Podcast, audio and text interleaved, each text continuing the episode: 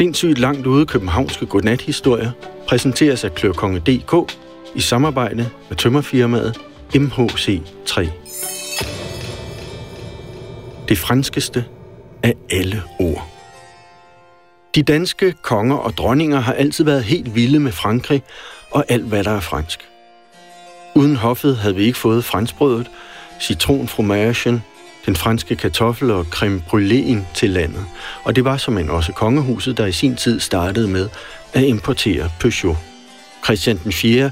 blev i sin tid helt hysterisk, da han opdagede, at hans navn lød fjollet, når man udtalte det på fransk, Christian den 4.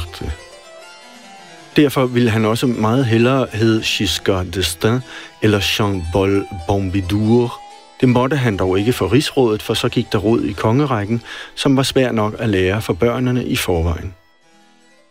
At kongehuset er helt pjattet med det franske, kan man jo også se i dag, hvor det dog især angår importen af mennesker. Margrethes mand hedder jo Henri, for eksempel, og det siger jo allerede en del. Og prinserne Joachim og Frederik er sandelig også godt med. Joachims splinter nye kone Marie er jo så fransk, som nogen kan være, og hvad kronprinsesse Mary angår, så kommer hun jo fra øen Tasmanien. Mm. Ja, det... Øhm, for, for se... Okay, vi sidder ikke ved mixerpult mere, når vi er i studiet. Ja, det, det er fint nok, men hvad hedder det? Øh, Middelhavsgeografi. Åh oh, nej, du får tænderhold. Ja, det har jeg ikke klap hak forstand ah, på, men altså, du havde skrevet Rowley manuskriptet, så jeg tænkte, det havde jeg lige gjort klar til. Var det noget for dig, eller Øh, ja, ja, okay, hvis vi... Ja, ja. Skal vi tage det? Vi har travlt, okay. Godt. Ikke noget problem. En, en tirsdag formiddag i anden halvdel af 1700 hvidkål trummede Christian den 7. af Danmark rigsrådet sammen og der var god grund til at indkalde dem, for kongen havde lige fået brev om, at Frankrigs konge Louis den 16. ville kigge forbi.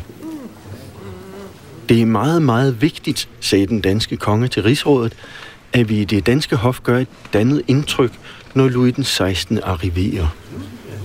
Baronen af Bagsvær rakte da fingeren i vejret og foreslog, at man udstyrede gæstetoiletterne på kongeslottet med noget lækkert og tykt væs i papir.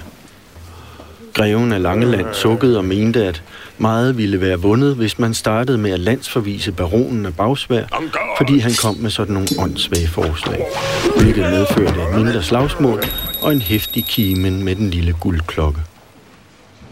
Da gemytterne havde lagt sig, foreslog jarlen af 2450 SV, at man skulle udstyre kongens aldeles nuttede hunde med aldeles nuttede sløjfer, hvilket fik en anden adelsperson til at foreslå, at man malede alle fedterøve og hofsno lyserøde, så man kunne genkende dem på god afstand.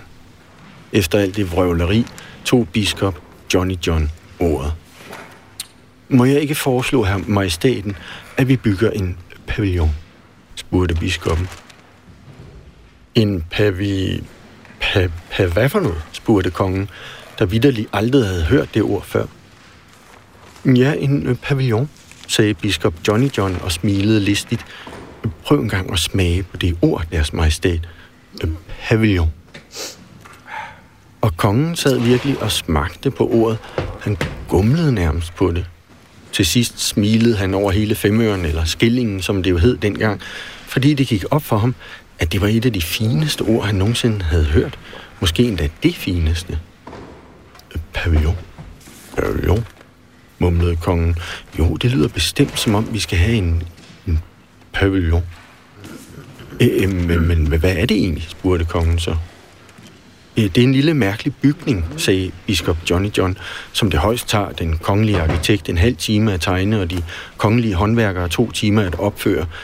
Det vigtige er jo også blot, at de således får anledning til at nævne ordet øh, pavillon. Min herre konge, man siger om dette ord, at det er det franskeste ord i hele verden. Det franskeste? Wow, og også i Frankrig, spurgte kongen. Ja, så absolut, herre konge, sagde biskop Johnny John. Også i Frankrig.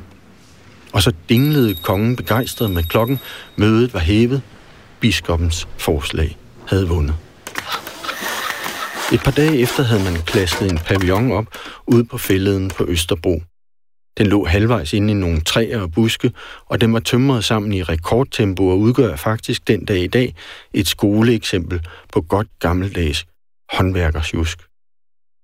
Men det gjorde ikke så meget, for den skulle jo ikke rigtig bruges til noget, den skulle bare være der.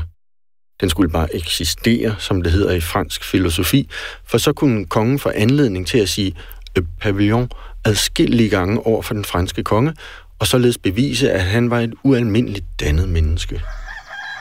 En dag træskede Christian den 7. rundt med biskop Johnny John ud på fælleden og besigtigede det ret beset ynkelige bygningsværk.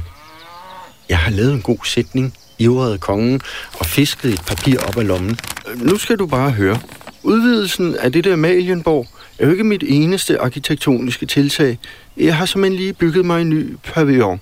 Denne pavillon er lille bitte i forhold til Amalienborg. Selvfølgelig. her. Ja, men netop derfor har en pavillon jo også en vis charme. Glimrende, sagde biskop Johnny John. Fortsæt endelig, herre konge. Kongen strålede som en sol. Okay, sagde han og vendte papiret. Her er en anden sætning, nu skal du bare høre.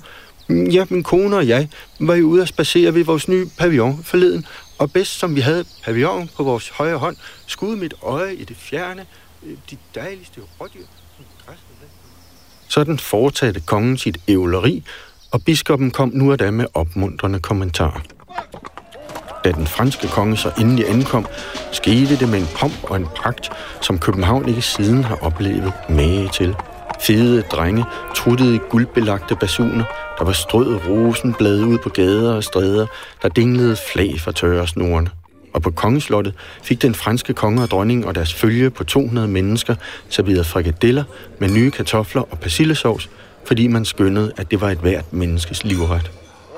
Den franske konge bad om opskriften, hvilket fik kong Christian den 7. til at udbryde.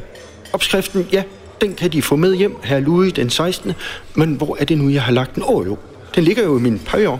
Jeg skal straks sende et bud afsted til min pavillon, så de kan få den med, når de rejser. Og den franske konge kiggede på den danske Dito med en mine, som Christian den 7. kun kunne tolke som en dyb overraskelse over den danske konges høje dannelsesniveau. Da man nåede til regnbueisen, blev den franske konge i hvert fald imponeret. Oh la la, sagde Louis den 16. og stirrede på den trefarvede is. Øh, det minder mig om, at vi skal have designet et nyt flag. Kan jeg også få opskriften på denne enestående is? Jo vist, tal Louis den 16. Og så denne opskrift ligger pudsigt nok ude i min nye pavillon. Og jeg skal instruere budet om at lede efter denne opskrift på pavillonens nederste hylde i pavillonens bagerste rum. Det franske kongepar kiggede på hinanden. Mm, jeg kan forstå, at de har en, en pavillon, sagde den franske dronning så. Ja, min, min mand og jeg har faktisk, men længere nåede dronningen ikke, for Christian den 7. lagde skeen fra sig med et klask og udbrød så højt, at selskabet blev helt forskrækket. En pavillon, ja! Jeg har et ægte pavillon! En pavillon, som er, som er en vaskægte pavillon! Ja. Øh, nå, det, det, var, det var da noget dronningen af Frankrig at sige, inden hun igen blev afbrudt af Christian den 7. skingende røst. Ja, det er jo faktisk pavillonernes pavillon. Louis den 16. kiggede undrende på den danske konge og sagde så, øh, jeg skal lige love for, at de er glade for. Min nye pavillon, ja, den er jeg glad for. Min pavillon er som mit barn. Mit lille pavillonbarn. Vi har Frederik og Louise, og ingen mere vist også, men den lille pavillon, det er min favorit. Folk kunne ikke længere lægge skjul på deres forbløffelse. Enkelte holdt endda op med at spise is. Især det sidste tyde på, at den var ved at være helt gal. Nogle gange, Fortsatte Christian den 7. med blikket i loftet. så går jeg ud på fælleden og kalder pavillon. Hvor er du? Kom så, Dasse. Kom så her. Pavillon. Pavillon? Kan du så lade de andre pavilloner være i fred? Den danske dronning prøvede flere gange, men hver gang forgæves at dæmpe sin pavillonbesatte mand lidt ned. Så, så, lille Chrisser. Kom, sig, kom så. Men ak, kongen havde bidt sig fast i det franskeste af alle ord, eller måske havde ordet bidt sig fast i ham. Lige inden livlægen kom styrtende for at lægge kongen i benlås og derefter i spændetrøje, genlød der sætninger eller, Jeg har pavillon lige lidt mere is over på min pavillon. eller Så får pavillon der også.